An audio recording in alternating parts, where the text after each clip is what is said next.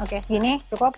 Bener, Pak, yang bener, paling utama sampah itu menjadi uang. Kita nggak boleh, tapi prakteknya di Indonesia ini sangat menakutkan. Gitu. Bisa saya jual, Pak, minyak saya, Pak. Bisa. Yang bekas.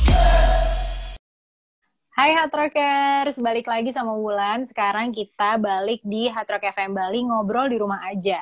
Nah, kali ini kita bakal ngobrol sama seseorang yang menurut gue ini penting banget Hard Rockers. Solusi dari beliau ini menjadi penerang menurut gue ya. Karena orang Indonesia itu ya, kita masak apa pun ya, bahannya itu adalah minyak goreng dulu. Minyak goreng harus ada di sebelah kompor. Tapi ternyata, sadar nggak sih lo Hard Rockers, kalau selalu deh setelah menggoreng minyak kita nggak tahu. Minyaknya bekas minyak jelantah minyak jelantahnya ini enaknya gue apain ya?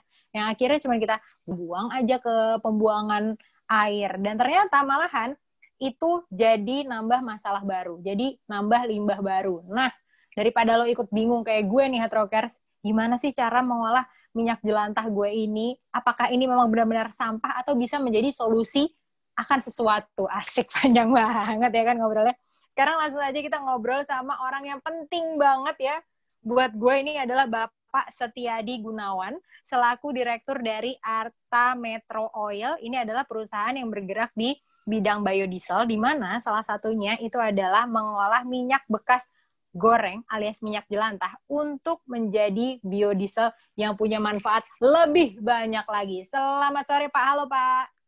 Halo sore Mbak Ulan.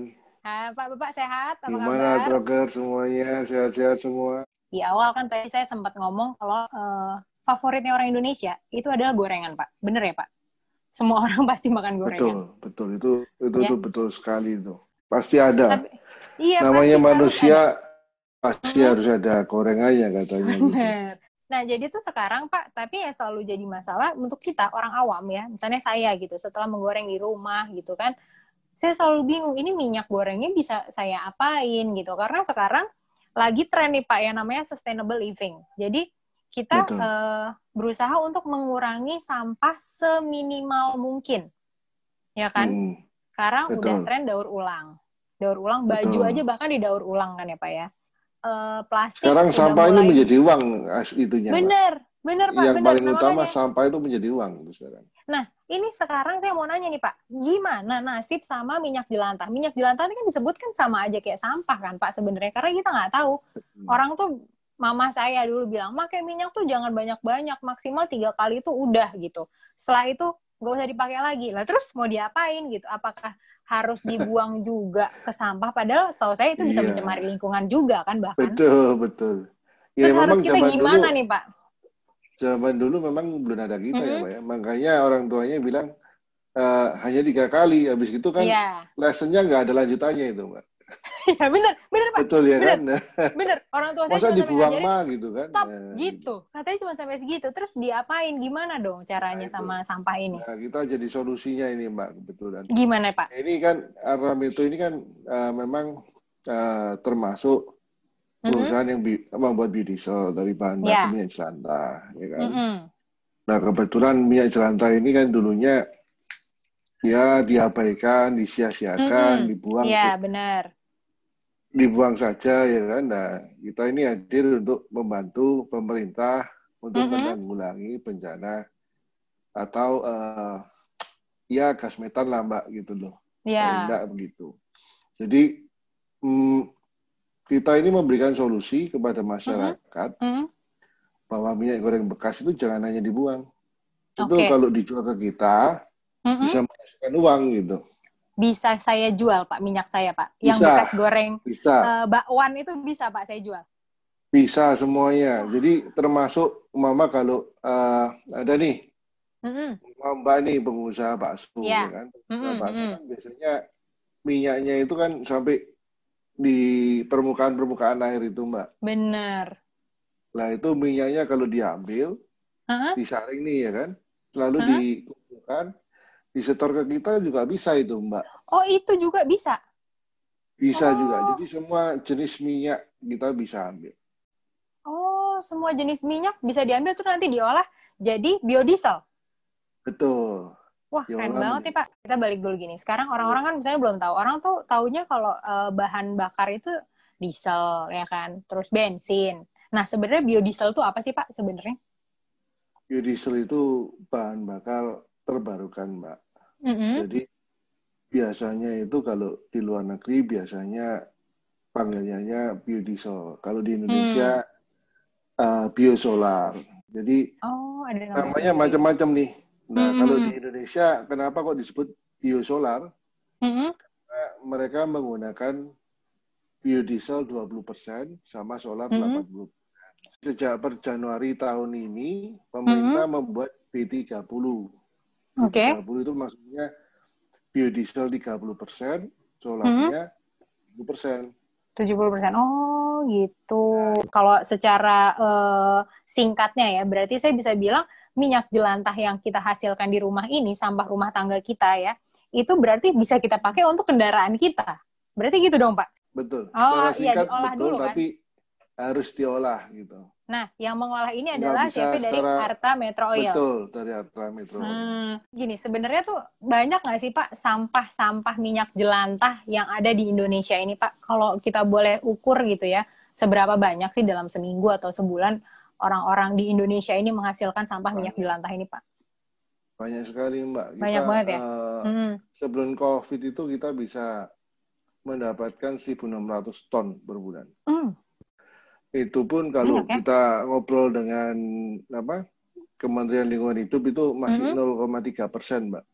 Terus itu mereka larinya ke mana tuh Pak sampah-sampah itu Pak? Padahal iya, sebenarnya kalau dibuat penggorengan nah, lagi gitu kan. Waduh, jangan dong. nggak boleh ya Pak sebenarnya ya. Iya, betul. Seharusnya okay. nggak boleh. Tapi prakteknya di Indonesia -huh. ini sangat menakutkan gitu. Jadi kayak seumpama oh. nih ada -huh. ada industri nih, ya snack -huh. gitu itu kadang-kadang kalau melakukan penggorengan itu berulang-ulang habis tuang lagi habis tuang lagi gitu. Aduh nggak sehat ya pak ya? itu. saya seneng banget nih diajak ngobrol barengan sama Arta Metro Oil karena wah terjawab nih pertanyaan saya selama ini. Saya kemanain minyak jelantah saya ini gitu kan? Terus siapa pak yang jadi penyumbang minyak jelantah terbanyak untuk di Indonesia aja deh kita ngomongnya? Apakah Harusnya dari industri dari sektor perumahan mbak. Oh dari rumah malahan ya Iya. Oh. Dari perumahan gitu. Paling oh, banyak. Oh gitu. Saya coba tanya nih, paling simpel hmm. nih. Ya. Cuma satu minggu habis nggak satu liter? Dalam waktu sebulan tuh lebih dari satu liter sampai dua liter lebih sih Pak biasanya. Nah, ya itu kadang-kadang orang -hmm. itu biasanya penggunaannya itu sekitar 1,2 sampai 3 liter uh -huh. per bulan. Nah, itu coba Betul. bayangkan kalau dikali 30 eh, iya 300 ya, juta penduduk minyak jelantah ini apakah harus saya simpen dulu? Terus apakah bisa saya salurkan langsung atau gimana nih sebaiknya untuk kita yang berada di perumahan atau di kosan gitu kan yang selalu uh, pakai minyak minyak goreng tuh selalu kita pakai setiap hari. Iya. Gimana yang harus saya lakukan, Jadi Pak? gini, biasanya -hmm. kalau penggoreng ibu-ibu itu kalau menggoreng kan -hmm. masih disimpan dulu. Kan nggak mungkin sekali goreng uh, langsung dibuang gitu kan. Nah, biasanya ya, kan mereka bener. simpan dulu sampai tiga kali penggorengan. Benar, gitu. betul. Nah, kalau sudah terbiasa menyimpan gitu kan hmm. tinggal menambahin sedikit aja effortnya. Gitu. Hmm. Hmm. Ya, uh, dipindah ke tempat yang uh, udah nggak digunakan lagi, ya uh -huh. kan? Hubungin kita untuk mengambil. Oh, ya kan? bisa langsung hubungi Hatta Metro Oil bisa, okay. bisa langsung, bisa nanti melalui bank sampah. Oh, bank sampah bisa juga ya. ya jadi kita Saya, masih uh, komunikasi hmm. dengan bank sampah untuk memudahkan dalam pengumpulannya. Gitu. Nah, sebenarnya tempat untuk menyimpannya ini apakah ada kriteria khususnya, Pak? Kalau misalnya kita pengen lanjut nih, kita pengen uh, hidup yang sustain gitu kan, misalnya saya okay. mau nih udah mulai besok, saya pengen uh, menyumbangkan minyak jelantah saya untuk supaya bisa bisa terpakai lagi gitu. Itu apakah ada kriteria tempat yang khusus atau terserah? Jadi mama kalau penggunaan di rumah nih ya, untuk ibu-ibu ya, mm -hmm. uh, jika mau menggunakan minyaknya lagi itu lebih mm -hmm. baik alangkah baiknya kalau ibu-ibu itu menyimpannya di dalam botol kaca satu. Botol kaca. Okay. Yang kedua itu mm -hmm. uh, tempat yang ter terbuat dari stainless. Kenapa kok nggak boleh plastik dan kenapa mm-hmm. nggak boleh aluminium gitu? Kenapa, Soalnya Pak? satu kalau plastik nanti bisa-bisa ada mikroplastiknya. Oh. Yang goreng bekasnya, ya kan. Yang okay. kedua, mm -hmm. uh, kenapa nggak boleh aluminium? Nah, mm-hmm. uh, minyak itu kalau setelah digunakan biasanya mm-hmm. akan teroksidasi. Mm, ya, nah, betul. itu meningkatkan kadar keasaman. Mm. Dan itu kalau ditaruh di botol uh, apa yang di aluminium uh, mm-hmm. bisa tereaksi.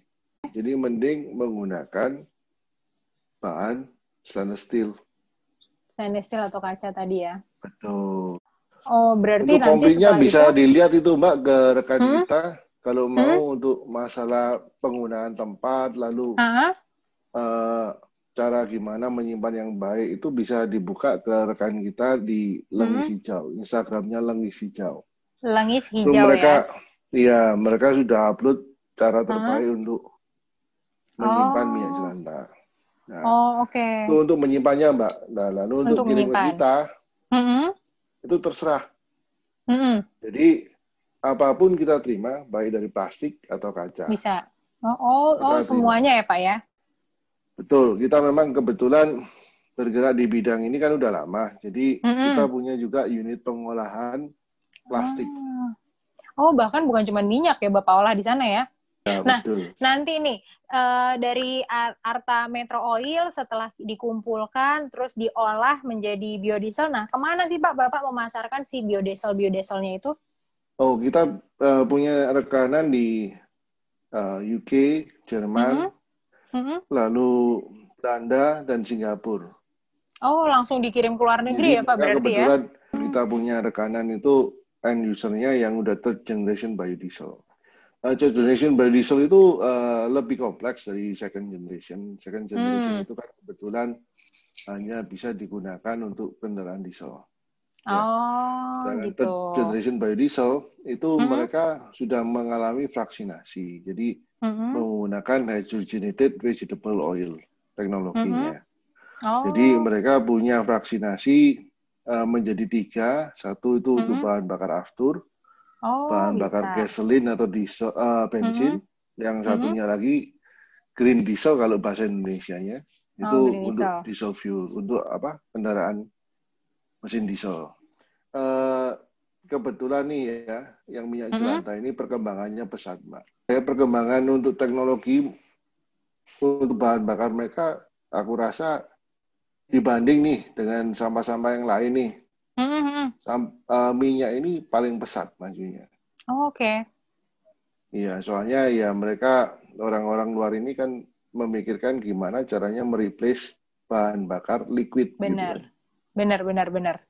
Nah itu. Hmm. Wah, Menarik sekali ya Pak kita obrolannya. Oke, saya boleh tahu nggak sih Pak kalau misalnya saya masih bingung lagi atau saya mau mau mengumpulkan warga sekitar perumahan saya, ayo kita bikin bank sampah sendiri terus nanti kita kasih ke CVA Metro Oil bisa kan ya Pak ya? Boleh, tapi kalau boleh? mendirikan hmm? bank sampah sendiri saya nggak tahu boleh nggak ya mbak? Ya? Oh oke, okay. oh ya berarti mungkin harus gitu ya. Tapi mungkin kalau pengumpulannya bareng-bareng rame-rame gitu nggak apa-apa lah ya pak ya. Oh boleh, boleh. Sama Jadi bisa teman-teman di... yang lain gitu. Bisa melalui rumah sendiri boleh, mm-hmm. ya kan? Bisa melalui di rumah sendiri ya. boleh, mulai uh-huh. tempat ibadah juga boleh. Bisa semuanya. Semuanya bisa mbak. Nah, bisa kita, kita hubungin ke mana pak? Semua. Kalau alamat uh, Arta Metro sendiri di Bali mm -hmm. itu di Jalan Mertasari nomor 108, Mbak. Mertasari nomor 108. Tinggal googling ya, bisa ya, Pak ya? Karya, betul. Oke. Okay. Itu di Sidakarya. Lalu Sidakarya ya. Untuk nomor teleponnya sendiri 4485 300. 4485 300. Saya udah ingat Pak, 4485 300. Wah, iya. udah ingat kan saya? iya. Oke. Okay. Berarti nanti Betul. kita bisa langsung uh, telepon ke sana untuk tanya-tanya lebih lanjut ya Pak ya di Atameto Oil bisa, atau bisa, bisa googling atau langsung ke sana juga bisa Pak? Bisa, bisa langsung. Oh, jadi kebetulan okay. kita terbuka, jadi mm -hmm. semua yang mau belajar atau yang mau oh. uh, mulai usaha di tengah pandemi COVID ini kita siap untuk membantu. Ih, keren.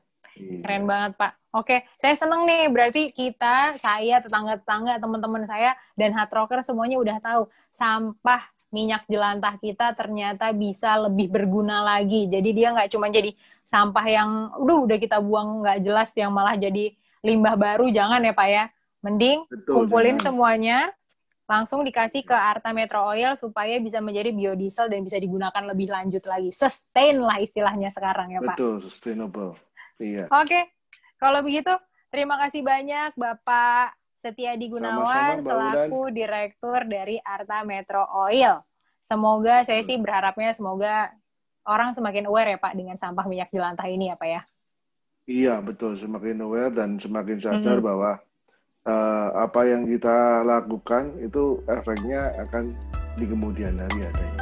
Ih, siap. Keren.